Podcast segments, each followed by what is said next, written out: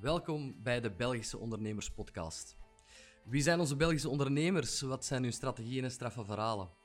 Welke leuke momenten en donkere periodes hebben ze al meegemaakt?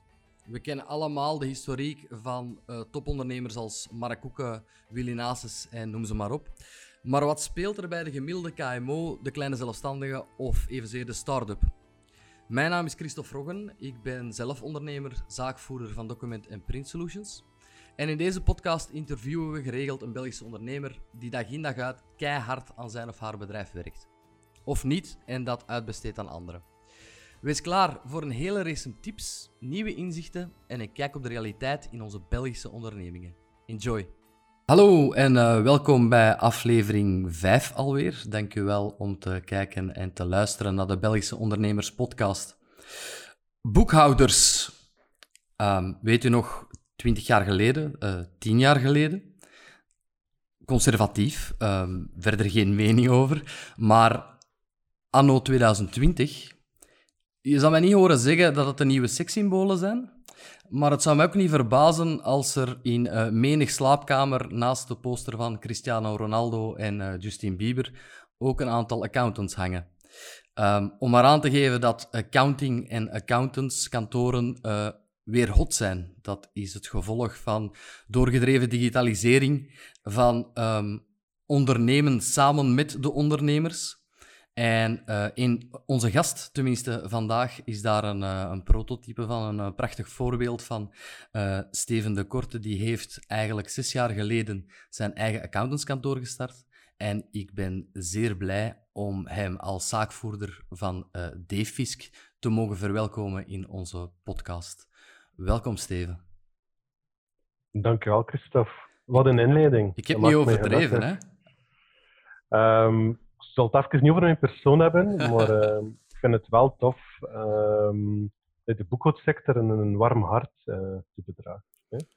Want toen ik zelf boekhouding ging gaan studeren, hè, ik spreek al even geleden, hè, ik denk dat ik meer dan 15 jaar geleden een stuk keuze maakte van ik word boekhouder, ik word accountant, dat is het ding dat ik wil doen. Ja, dat valt er al op een gemiddeld familiefeestje zo even de stilte. Ja, ja, ja, ja, ja, ja. Je kunt goed een boterham verdienen, is het meest positieve antwoord bijna als dat krijgen. Dus um, boekingen heeft lang, het is nog steeds aanwezig, toch wel een zeker imagoprobleem gehad. Um, en het is een zeer challenging job. En persoonlijk is het de liefste job dat ik ooit zou willen doen. Ja. Op mijn LinkedIn-profiel staat er, ik ben boekhouder en ik heb een hart voor cijfers en mensen. En dat meen ik 100% het is helaas een beroep die nog altijd een zwaar imagoprobleem heeft. Wel. zien een aantal afgestudeerden, ja. om een idee te geven, um, in de hogeschool hier, lokaal in Brugge, um, vijf jaar geleden studeerden jaarlijks 30, 40 boekhouders af. Ja. Dit jaar waren het er vijf. Um, okay. Je ziet eigenlijk dat de input in onze sector nog altijd zeer laag is. Um, maar het is en blijft een boeiende job die enorm veranderd is de laatste jaren. Ja. ja. of de jeugd studeert niet meer zoals het hoort. Dat zou kunnen natuurlijk. Ik denk dat een zeer wijze jeugd hebben. Daar zit ik niet in. Uh, het was geen belediging hoor. Moet, als ik naar de jeugd kijk. Um, maar inderdaad, ik uh, denk dat boekhouding nog altijd niet de eerste keuze is van de jeugd ten onder. Ja, wel, ik, ik vernoem het net, het wordt weer uh, sexy genoemd, omdat jullie uh, eigenlijk gewoon tussen de ondernemers staan en um, samen met de ondernemers proberen vooruit te gaan met allerlei tips en tricks. Nu, uh, je bent 34 jaar, je bent gestart uh, op je 28, als ik mij niet vergis. Vertel eens, hoe is het begonnen? Je bent van school gekomen en ben je direct in de accounting gegaan? Ja, eigenlijk wel. Um, ik heb het geluk gehad dat ik op mijn stageplek blijven plakken heb. En daar eigenlijk op een heel waardevolle manier een job geleerd heb. Met een job geleerd bedoel ik, heb heel wat theoretische kennis als je van de schoolbanken um, komt. Maar dan begin het maar. En dan sta je echt met je beide voeten tussen die ondernemers. En dan zie je even dan de regels van op school toch net iets anders zijn. En dat net iets anders wordt ingevuld. Eh, dat is veel praktischer.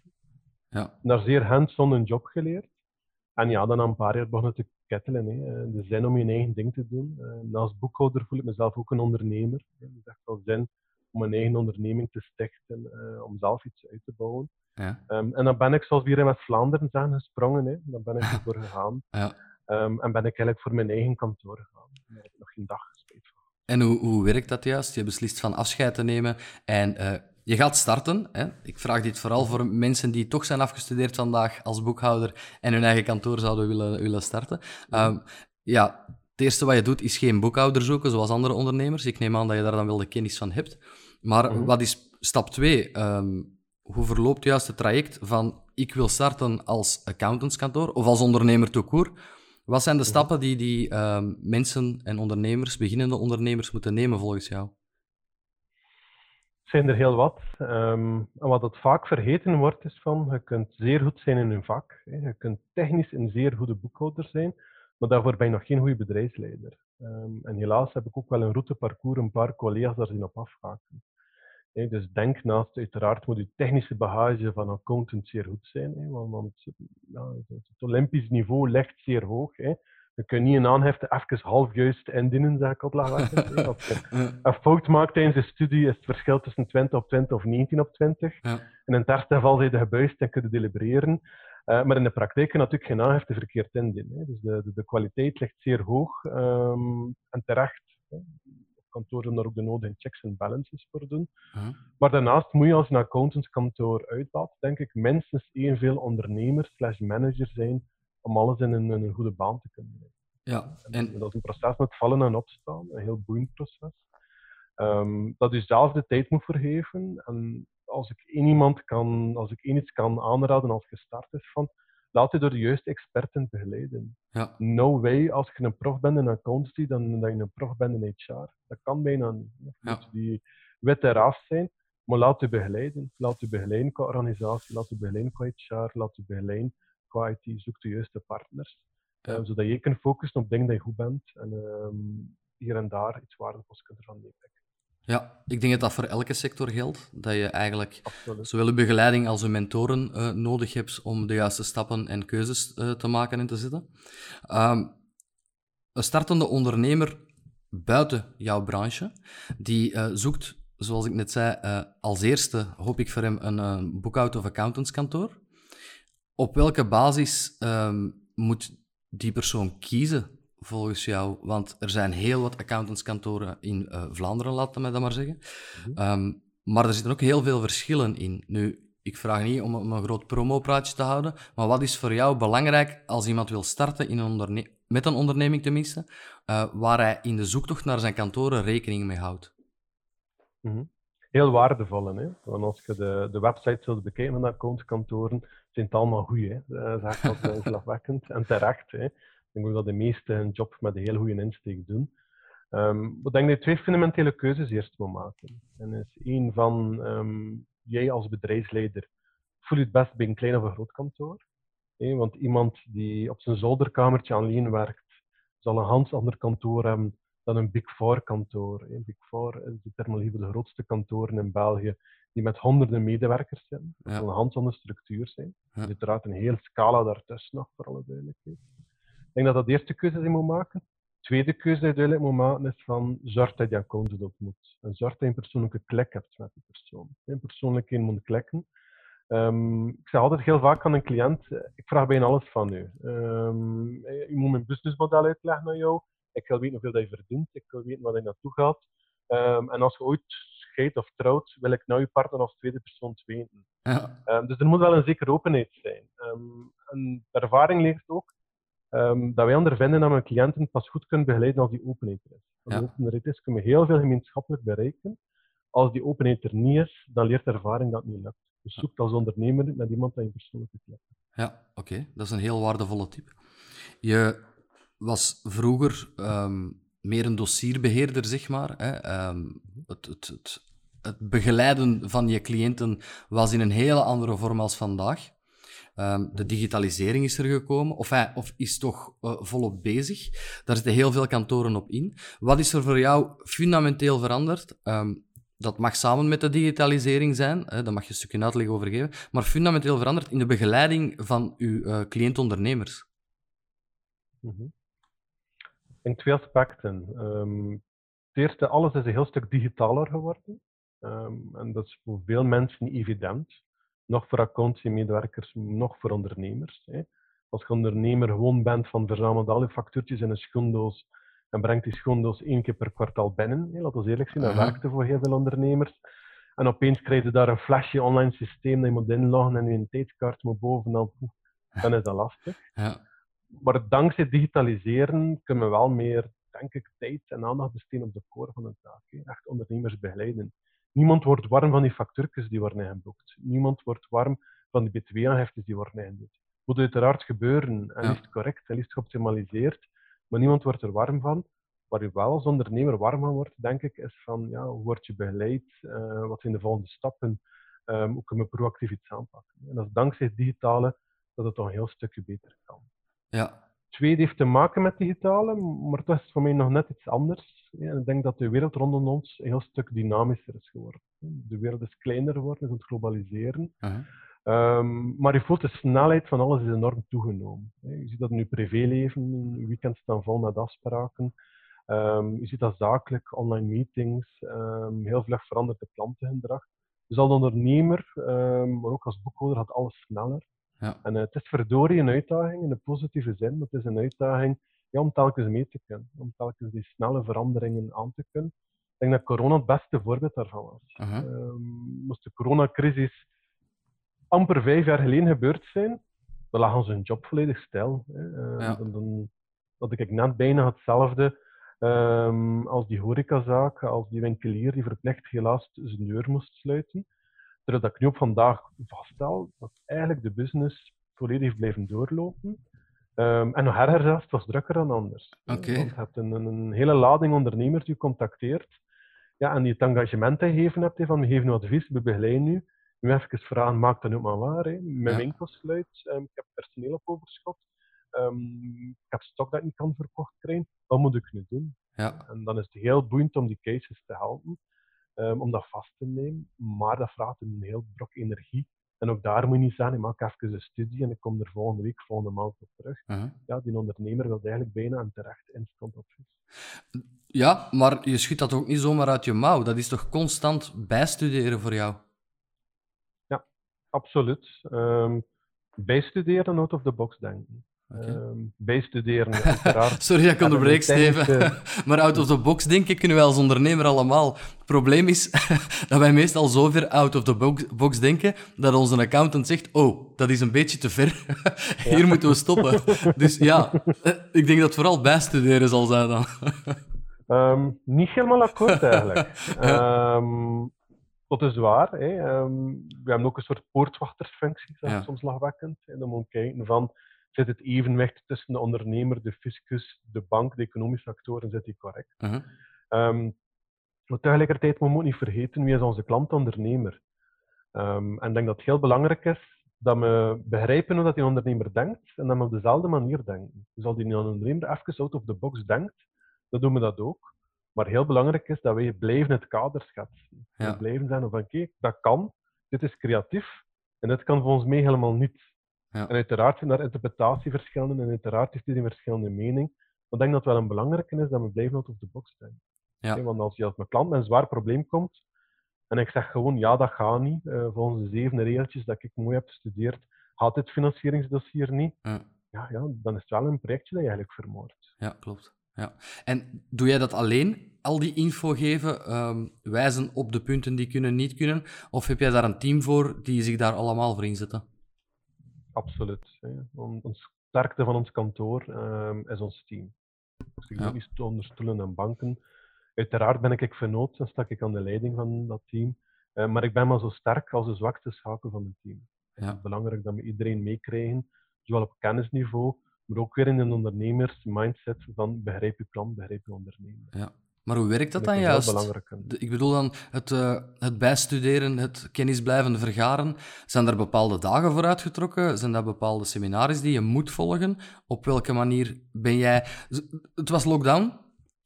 Alle ondernemers gaan in paniek, of ja, de meeste. Eh, en terecht. Ehm, op zulke korte tijd kan jij toch niet alle regeltjes kennen en alle mogelijkheden kennen, tenzij dat je dag en nacht studeert daar rond. Mhm. Is een combinatie. Hè. Het waren best pittige dagen. Dus ehm, ik durf zeggen, als de Veiligheidsraad was afgelopen om tien uur s'avonds, dat dan even nog twee, drie uur eh, was met collega's proberen de laatste wetteksten, beslissingen vast te krijgen. Als je weet dat morgen om zeven uur de telefoon opgaat, dat je gewoon eerste antwoord kunt binnen een ondernemer. Ja. Dus voor een stuk is het gewoon just do it. Ja. Ehm, aan de andere kant denk ik is het ook gewoon heel belangrijk dat je de beperking meegeeft aan de klant. Dat je zegt van oké, er is een nieuwe maatregel. Ik heb er ook van gehoord gisteravond op televisie. Ja. En in alle eerlijkheid, ik weet niks meer dan jou momenteel. Maar kijk, we gaan dat opvolgen. Ja. Ehm, en we gaan kijken wat we voor u kunnen doen. Of ook bewust zeggen, nee, sorry, dat is iets dat ik niet kan voor u doen. Maar ik weet dat wel een expert zitten. ehm, of ik heb een kennis, of ik heb een contact die er wel mee kan helpen. Ja, oké. Ja, en een, denk ik, een heel belangrijke rol als accountant is ook die doorverwijsfunctie. Ja. Wij moeten niet expert zijn in alles, maar wij zijn die eerste lijnsadviseur die heel toegankelijk moet zijn. Dat vind ik super belangrijk. Ja. Daarom dan de meeste klanten van mij mijn gsm-nummer hebben. Het is Steven, het is niet meneer. Ja. Ehm, dat we heel toegankelijk zijn. En dat wij eigenlijk ja, de vragen kunnen detecteren tijdens een gesprek, of de aandachtspunten kunnen detecteren. En dan ook heel duidelijk doorverwijzen naar de juiste persoon die kan, verder kan helpen. Ja. En dat kan iemand intern in mijn team zijn. Ik heb mensen in mijn team die veel meer weten van BTW dan mij. Maar dat kon ik extern zijn als ik zeg van ja, kijk, dat is iets van sociale wetgeving. Not my cup of tea. Mhm. Eh, maar kijk, ik heb daar eh, een expert zitten en ik kan die gerust verbinden met elkaar. Ja. ja, jullie hebben echt een heel actieve sleutelrol eh, bij elke cliënt van jullie. Dat, dat is wel heel duidelijk aan het worden eigenlijk. Het is ook zo dat we het wel invullen. Het is ook op die manier Ja. dat ik het heel belangrijk vind van hey, we willen eigenlijk de ondernemer ontzorgen ehm, en een antwoord bieden op heel veel vragen. Oké. Ik heb het gevoel dat je de laatste weken dag en nacht gewerkt hebt. Ehm, je mag gewoon ja dat zeggen, dat klinkt al... Nee, nee, nee. nee. er zijn meer eh, mensen die luisteren dan kijken, Steven. Dus je hebt er alle voordeel bij dat eh, Spotify en iTunes bestaan. Nee hoor, eh, het is niet duidelijk, maar aan de hand van je uitleg en het feit dat je tot s'avonds laat, s'nachts zelfs, bepaalde dingen moet interpreteren en s'morgens om 7 uur die telefoon moet beantwoorden, neem ik aan dat het heel drukke weken geweest zijn. Hè? Laat me daarvan uitgaan. Eh, wat doe jij om te ontspannen in die periode? Ehm terecht dat je het aanhaalt. Hè. We moeten opletten dat dat veel studeren en hoe je klant begeleidt, dat er geen macho-gedrag in ontstaat. Hè. Ehm, je zult niet scoren bij je klant als je tot drie uur s'nachts gestudeerd hebt. Je misschien het antwoord weten op die vraag, Ja. maar je klant heeft niks aan een vermoeiende account, aan een vermoeiende adviseur die aan een burn-out uitstreeft. Daar heeft niemand niks aan. Dus wij als kantoor en ook ikzelf als persoon vinden de mix tussen work-life heel belangrijk. Mhm. Dat is ook iets dat we bewaken. En dat we regelmatig ook durven ingrijpen als we zien dat bij een medewerker niet meer klopt. Oké. Maar best kan zeggen van oké, even calm down. Ehm, ik wil je jaren aan boord houden en niet enkel die case van deze maand oplossen, maar ik vind het belangrijk dat je mee aan boord blijft. Ja. Voor mij persoonlijk vind ik mijn gezinsleven heel belangrijk. Ik ga echt quality time met het gezin inplannen. Mhm. Ik ben trotse vader van een dochter die vandaag net een jaar is. Ah, proficiat. Ehm, En jij bent podcasten. En Daar gaat uw quality time. Eh, voor de luisteraar, ze slaapt, het is 12 uur s'nachts. Ook daar hè, geloof ik niet in vaste data, maar wel Ja. zeggen van kijk, dit weekend ehm, op deze dag is een no-go. Ehm, Ja, ja. Dan is het family time, dan is het niet.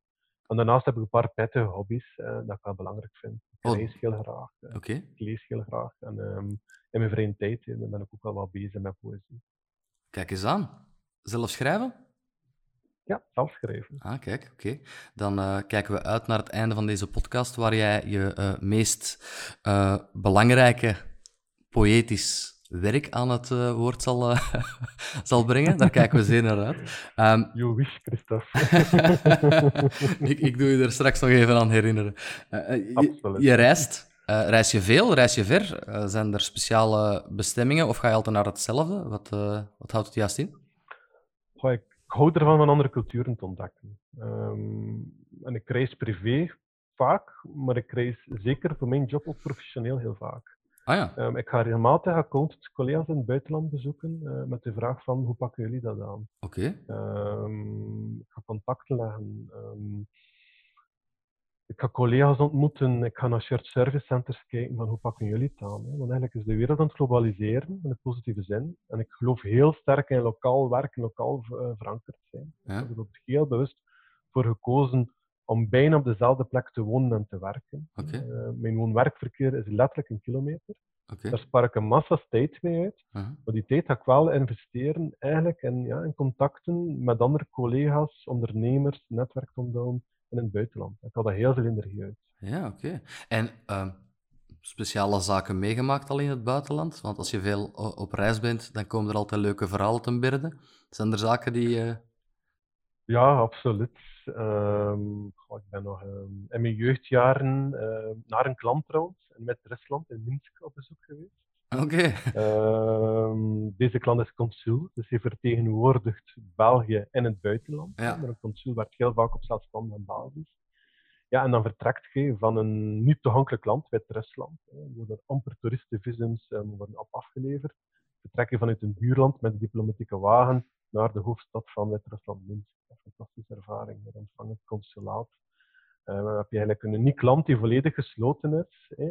Zij spreken geen Engels, ik spreek geen Russisch. Ja. Uh, dus dat is een zeer boeiende ervaring om dan met gebarentaal uh, uw lunch te regelen voor 's middags of voor piek te spelen op de kaart en Oké. te zijn wat er voor werd gebeurd. Ja. En wat heb En ook je... daar was weer de insteek dubbel. Hè. Ik vind dat heel verrijkend voor mezelf. En dat was dan niet voor doen. Ik heb daar een pak plezier beleefd. Aha. Eh, maar ook was daar de professionele um, interesse van, ja, wat doet die klant daar eigenlijk net? Hè? Waarom is hij daar zelfstandig? Hoe zit die structuur in elkaar? Dus Ja. Heel vaak is een insteek dubbel eigenlijk. Dat mag. Ja, klinkt heel interessant inderdaad. En, en verrijkend eh, op alle gebieden. Ja. Ehm, Ja. Je zei daarnet, eh woon-werkverkeer 1 kilometer. Hè, dus ik neem aan dat je eh, te voet gaat. Ehm, of met de fiets. ik ja. wil niet oordelen. Je, eh, doe je voor de rest nog iets aan sport? Ehm, ik badminton heel graag, recreatief voor alle duidelijkheid. Ja. Ehm, en ik kan er zelf ook van genieten, eh, van even eenzaam rond te fietsen en even volledig het hoofd leeg te maken. Ja. Ik heb een, een redelijk veeleisende job die me heel veel connecties stelt met heel veel mensen. Ja. Ik haal ook heel veel energie uit. Eh, maar dan heb ik ook even wel, om, om dat evenwicht te bewaren, een cool-down periode nodig. dat ik even eh, mijn vrije tijd alleen doorbreng en dat ik even alleen ga sporten en mijn hoofd volledig leeg maak. ja. Leg eens uit. Ik wou zeggen, hoe ziet uw dag eruit? Maar, maar vertel eens gewoon de gemiddelde dag. Steven staat op, om. En hoe ziet uw dag eruit tot je thuis komt en daar eh, zal ontspannen met vrouw en kind? Mhm. Ja, het leuke ervan is, er is eigenlijk geen standaarddag. Dat maakt het leuk. Ehm, denk het enige die standaard is, is van ik ben geen ochtendmens. Dus ehm, ik sta laat op. Waarom elke ondernemer in deze podcast is te bereiken vanaf 12 uur 's middags. ik niet, ik sta om best 6 wel uur op. over netwerk, Christophe. Ehm, ja, ehm, dus ik denk, en ik besef dat ook, ten opzichte van veel ondernemers heb ik eigenlijk een luxe dat ik zo dicht woon. Ehm, en ook de crash van mijn dochter is dicht. Alles is hier dicht bij mijn woning. Heb ik de luxe dat ik ja, om 7 uur 37 maar moet opstaan. eh, en om 8 uur maar moet vertrekken naar mijn werk. Dus dat is een echte luxe dat ik heb. Ja. Eh, koester dat ook, laat me daar heel duidelijk in zijn. Ja, en dan begint het. Hè. Geen enkele dag is hetzelfde. Ehm, maar ik probeer altijd eerst een momentje in te lasten met het team als ik aanwezig ben op kantoor. Voor even te luisteren. Ondertussen helemaal een team met 10 10 mensen. Om te luisteren hoe gaat alles. Zijn er dingen die op vastloopt? Zijn er aandachtspunten van deze dag? Ehm, moet er iets aan bekeken worden? Ehm, en dan is mijn afspraak meestal gevuld, of in mijn dag meestal gevuld met een drie, viertal afspraken met ondernemers of afspraken voor ondernemers. Dat kunnen bankiers zijn, dat kunnen fiscus zijn enzovoort. ja oké. Wat wordt er op een gemiddelde En ik weet wanneer dat Ja. ik begin, maar ik weet helaas niet eh, wanneer mijn dag stopt. Uiteraard blok ik nu en dan vrije avond in mijn agenda. Maar het gebeurt heel dikwijls ja, dat de laatste klant om 7, 8 uur stopt. Of dat mijn dag wordt afgesloten. Oké, Het kunnen best pittige lange dagen zijn. Ja. Maar dat komt natuurlijk ook voor een stukje omdat je heel groep ondernemers hebt die maar tijd hebben na de kantooruren. Ja, Een klopt. ondernemer die aan het groeien is of die aan het bouwen is, ehm, heeft dikwijls maar s'avonds tijd. Ja. Impliceert dat dat je in het weekend ook werkt? Ehm, ik werk soms in het weekend, maar probeer daar heel bewust mee om te gaan. Ja, dat is herkenbaar. Ehm, ja. Zo weinig mogelijk, maar als het verhaal klopt voor de klant dat het niet anders kan, dan ga ik Ja. wel aan aanpassen. Oké. Steven, vertel eens wat jullie nu hebben aangepast ehm, dankzij of wegens corona. Hè? Want je bent eigenlijk gewoon van de mensen bij je op kantoor te ontvangen, dag in dag uit. Mhm. En plots mag niemand nog binnen, niemand nog buiten. Dus ehm, neem ik aan videocalls. Maar zijn er nog zaken die jullie veranderd hebben? Thuiswerk, noem maar op. Mhm, Absoluut. Hè. We zijn al een volledige lockdown geweest. Dus ik denk dat zeker zes weken het volledig team volledig thuis eh, zat.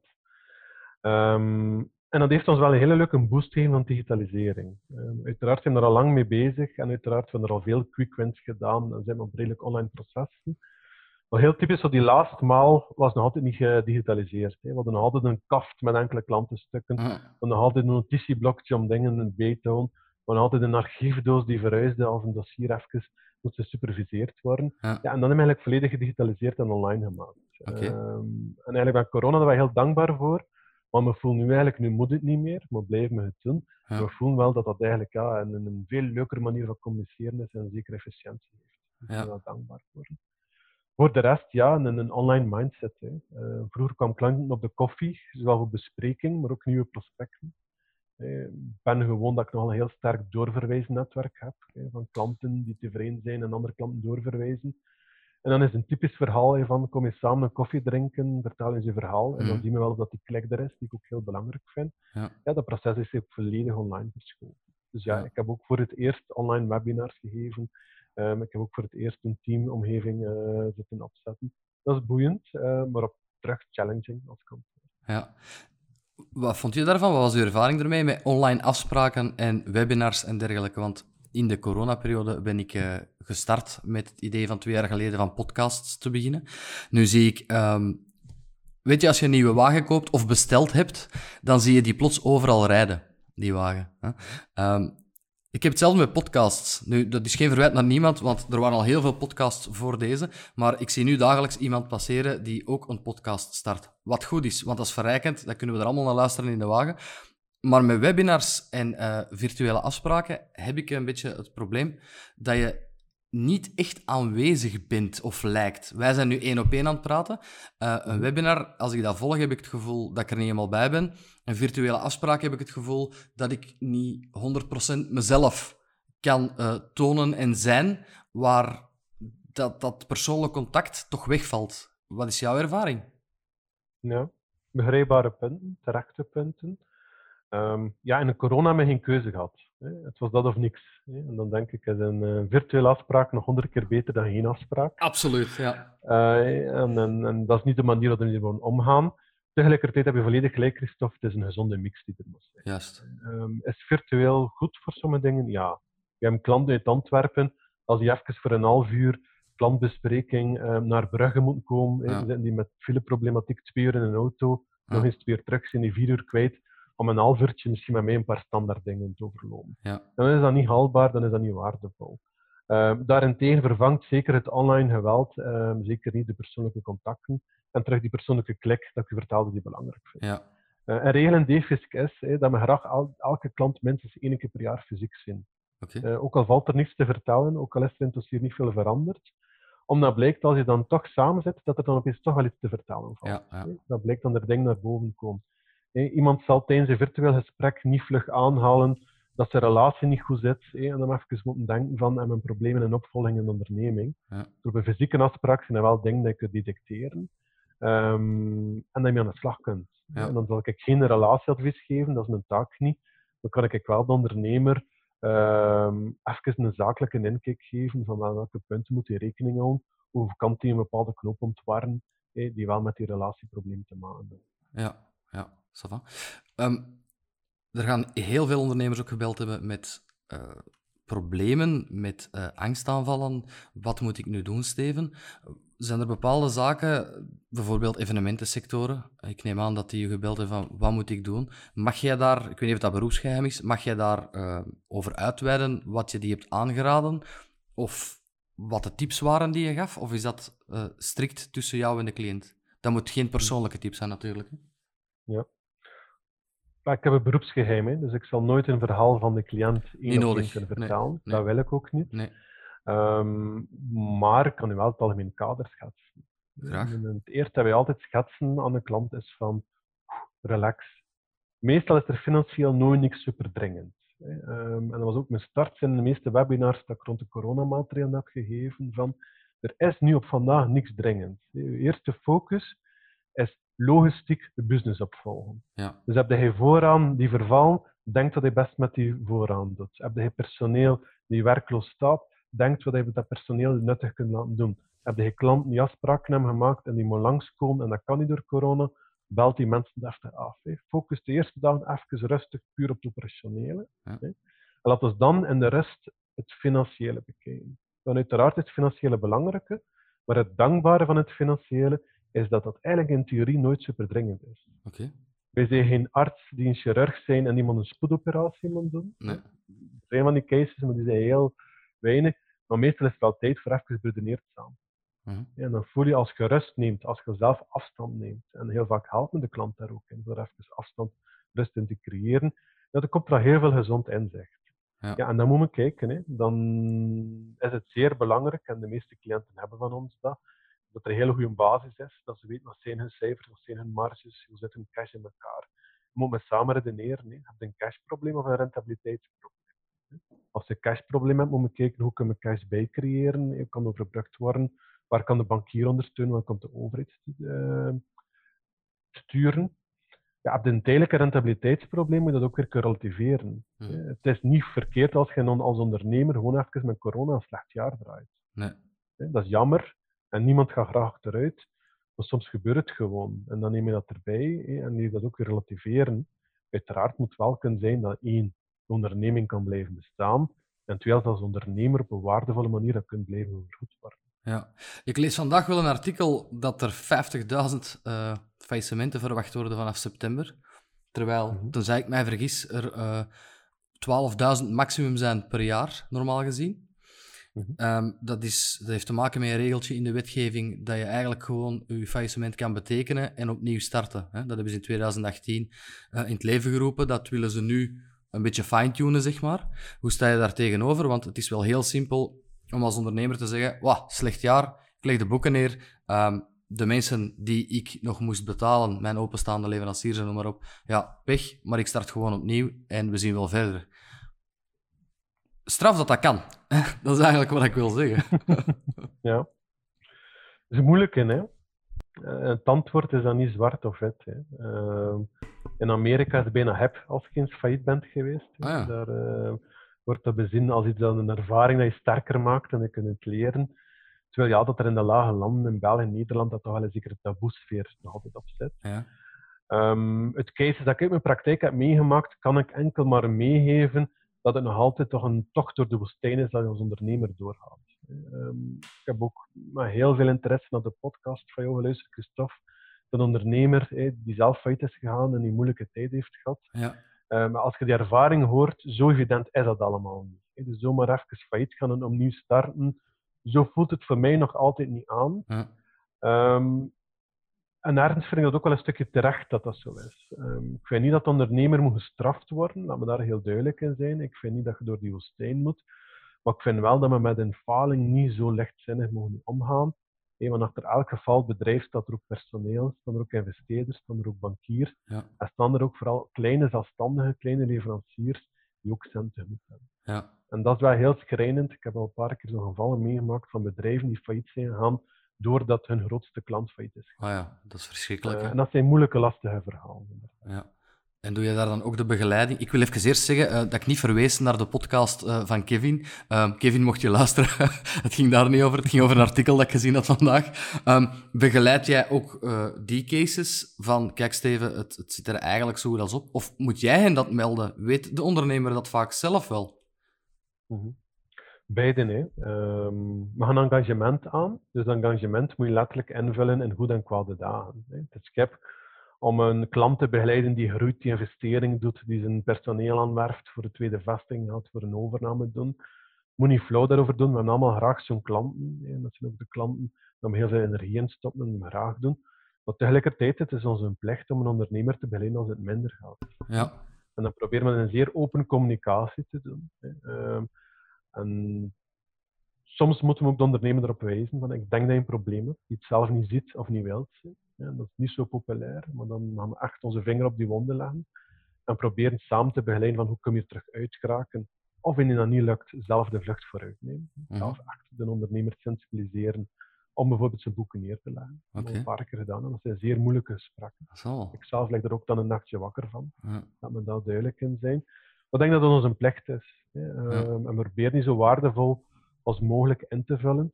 De eerlijkheid die me te zeggen dat we in de praktijk nu en dan ook wel een keer een ondernemer hebben en we volledig verliezen in het proces. Ah ja. Die struisvogelpolitiek hanteert, eh, die niet meer communiceert met een boekhouder, Ja. die onze factuur niet meer betaalt, ehm, die zijn telefoon niet meer opneemt. En dat is jammer. Ja. Want ook die proberen we te begeleiden. Gelukkig zijn er een paar hele goede instanties voor. Ehm, de VC2 DISO is een aanrader die eigenlijk zo'n ondernemers wenst te begeleiden. DISO. DISO, ja, echt een aanrader. Ehm, ja, op een bepaald moment, ja, dat, dan, dan stopt het ook uit onze expertise. Ja. Ehm, wij kunnen wel begeleiden met die stap van leg je boeken neer, maar dan stopt ergens wel ons speelveld. Hè. Mijn mandaat komt ook officieel ten einde, dan komt de curator ehm, in de plaats.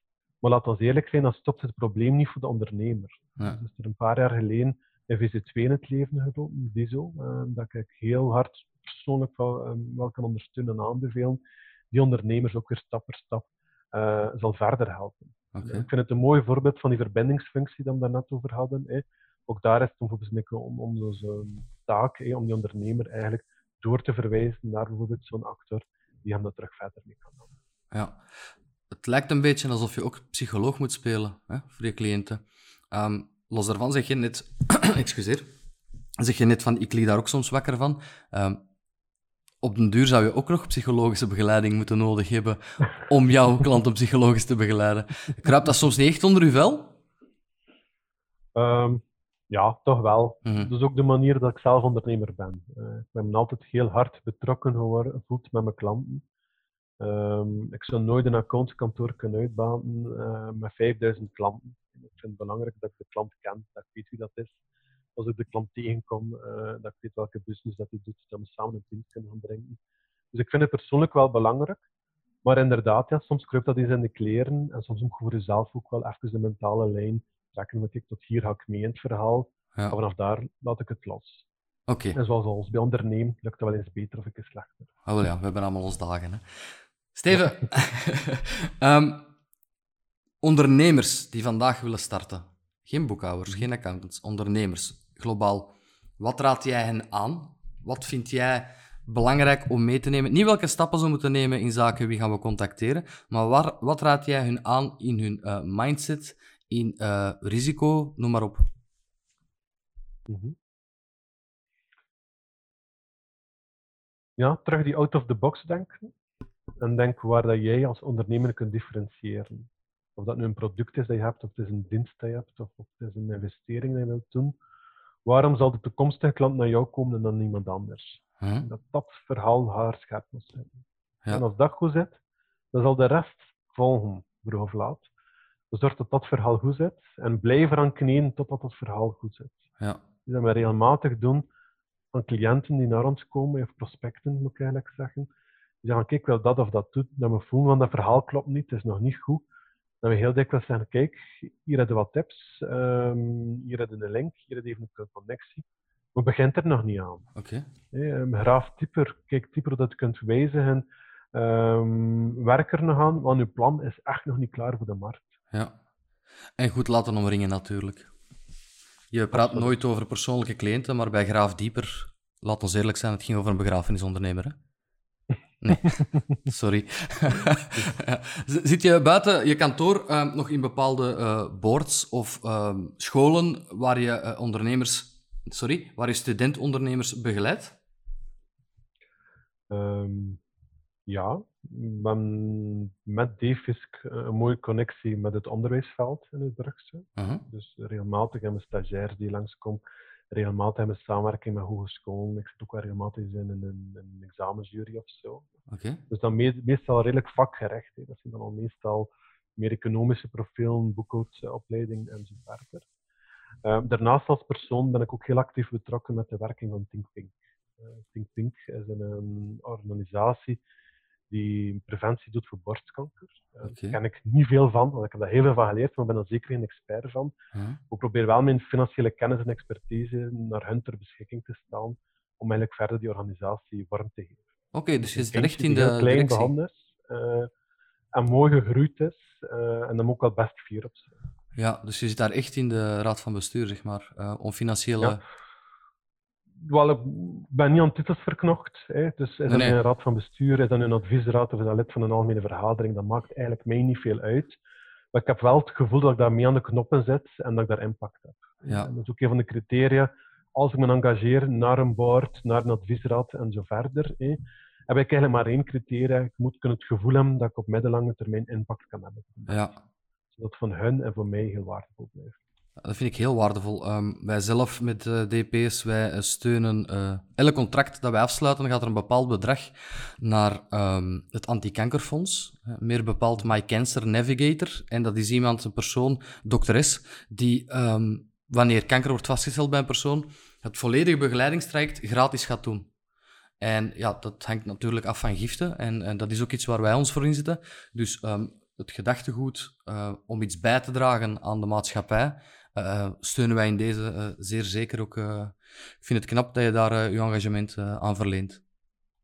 Dank je wel. Dat is met heel veel vuur en passie doen. Dank u, Steven. Dank u, vanwege de maatschappij. Zeg, Steven, um, waar wil jij staan binnen... Uh, wow, pakt vijf jaar deze keer. Ik, ik vraag, vraag, altijd drie jaar, maar binnen vijf jaar. Je bent nog jong. Dank je wel. um, ja, dat zal misschien verrassen, maar eigenlijk ben ik wel heel tevreden wat aan me staan. Zowel voor mij persoonlijk als met Davis. Voor mij klopt er heel veel. Okay. Ik heb de luxe dat ik dicht bij huis werk. Uh, ik heb een gelukkige gezin. Ik heb een pracht van een vrouw en een dochter. Um, ik doe een job van boeken ongelooflijk graag. Ik zou uh -huh. niks anders willen doen in het leven. uh, dus ik vind dat top. Ehm, dus eigenlijk, die grote actoren kloppen voor mij. Ehm, ik vind het ook heel leuk dat je dat kunt zeggen. Ja. dus ik zou zeggen, graag meer van dit. En uiteraard is er ruimte voor verbetering. Ik denk met Davis kunnen op een gezonde, duurzame manier kunnen groeien. Digitalisatie is nog niet klaar. Ik geloof in nieuwe producten uh, voor eindklanten. Ik geloof voor in die boekhouding eigenlijk, de coachende rol van boekhouding nog dichter bij de ondernemers te brengen. Dus dat ik heel sterk in geloof. Dus dat traject, een bedrijf is nooit af. Hè. Dus laten we heel duidelijk zijn, Davis is niet volmaakt en zal nooit volmaakt zijn. Hmm. Als ondernemer kun je dat blijven aan werken.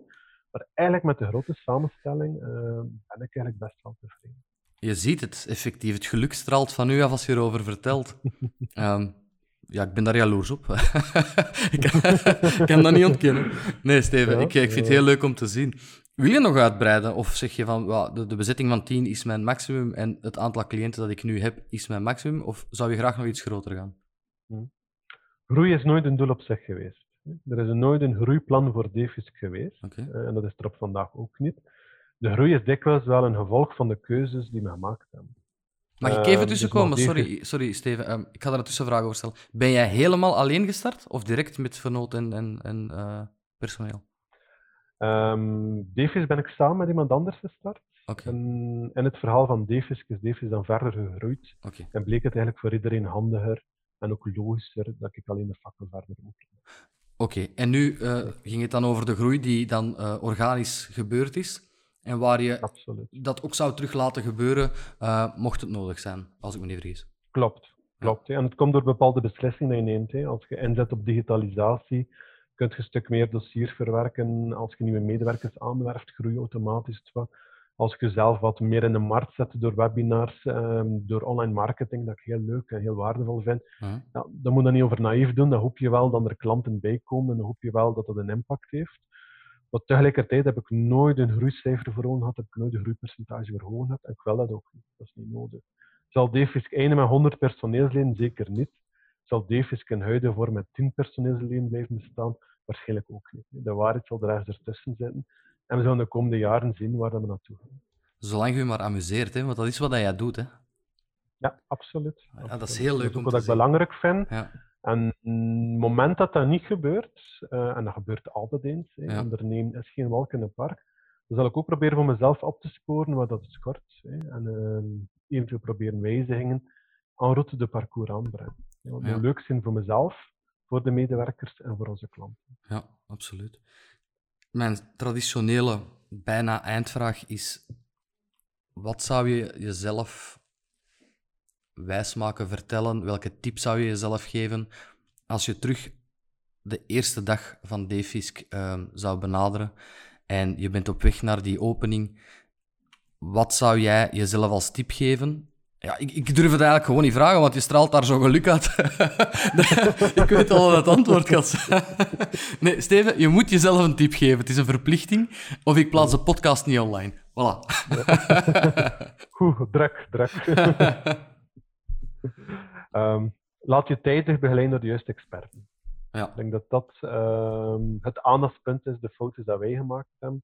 Ik was die, die positieve vakidioot, met heel veel vakkennis. En um, vond mezelf een hele goede boekhouder en een heel goede fiscalist. Maar daarvoor ben je nog geen goede ondernemer of ben je zeker geen goede manager. Ja. En laat me heel duidelijk zijn, ik ben heel gelukkig. Ik ben ook heel parcours heel gelukkig geweest. Maar ik heb in tijdens parcours ook wel een paar keer serieus tegen de muur gelopen. Ah, is- eindelijk. Pijn, hè. Ga door, vertel daarover, dank u. vertel. Ehm, en als je dan kijkt, eh, komt dat eigenlijk omdat je niet tijdig laat begeleiden. Ja. Ehm, als ondernemer probeer je in de beginfase alles zelf te doen. Hè. Je zit de beste expert van marketing, je zit de beste HR-verantwoordelijke, je zit de beste die klant binnenhaalt, je zit de beste die dossiers nazit.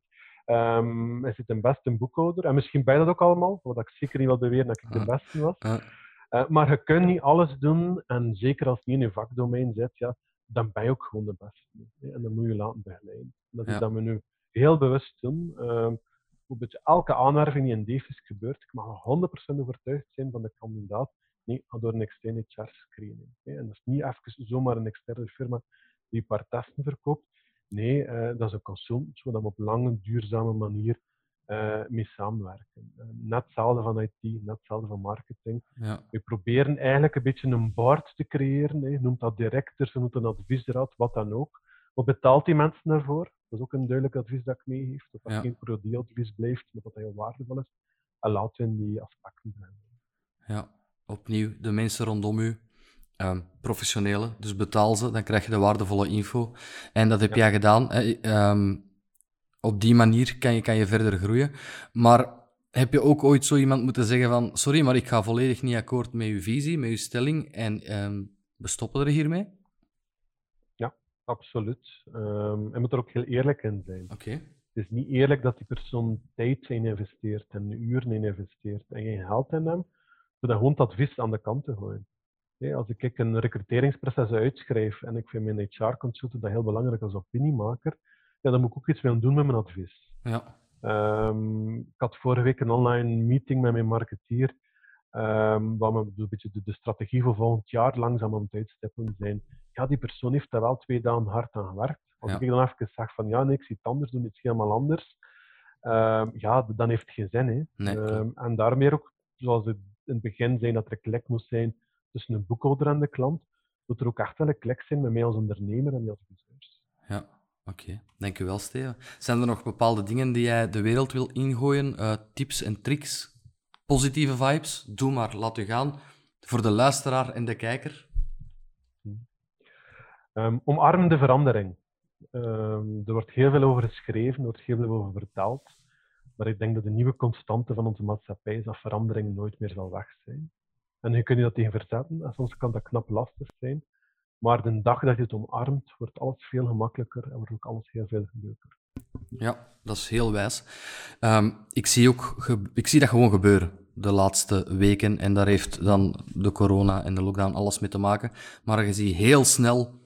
Eigenlijk zie je iets gebeuren wat normaal nu nog een traject van vijf jaar had geweest op een paar weken. Dus Ja. ehm, verandering kan ook positief zijn. En ehm, dat was inderdaad correct wat je daar zei. Steven, ehm, ik, ik wil jou bedanken ehm, voor jouw bijdrage. Ik ga even afscheid nemen eh, van de luisteraar en kijker en ik kom eh, zo dadelijk bij jou terug. Eh dank u wel. Dankjewel. Voilà. Dankjewel iedereen eh, om weer tot het einde te luisteren. Eh, heb je tips of eh, bemerkingen, mail gerust op info at. Kan ons volgen op Instagram at Belgische underscore ondernemer, ondernemers tenminste. We zijn te vinden op iTunes, Spotify en YouTube. En je mag daar gerust liken, delen, al wat je wil. Mocht je, of indien je deze podcast leuk vindt om te beluisteren of te bekijken. Voilà, Steven. Ik eh, wil jou bedanken voor jouw tijd, voor jouw eh, zeer waardevolle bijdrage. Ik vond het heel aangenaam. Het is ook heel snel gegaan, moet ik zeggen. En eh, ik wens jou nog ontzettend veel succes toe in jouw organische groei, die als ik jou zo bezig hoor, toch gaat gebeuren, of je het nu wilt of niet.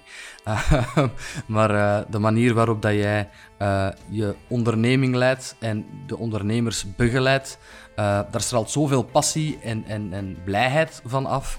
Dat zou ik eigenlijk bij iedere ondernemer willen zien, eh, om te beginnen bij mezelf. Dus ik ga, eh, ik ga daar het positieve uit meenemen. En eh, elke dag fluitend naar mijn werk. Ik moet wel iets verder stappen, maar dat is niet erg. Ik wil jou eh, in elk geval heel hard bedanken om tijd vrij te maken om erbij te zijn, Steven. Heel graag gedaan en bedankt voor de uitnodiging. Vind het heel leuk. Ik ook. Voilà, eh, tot de volgende keer. Dag.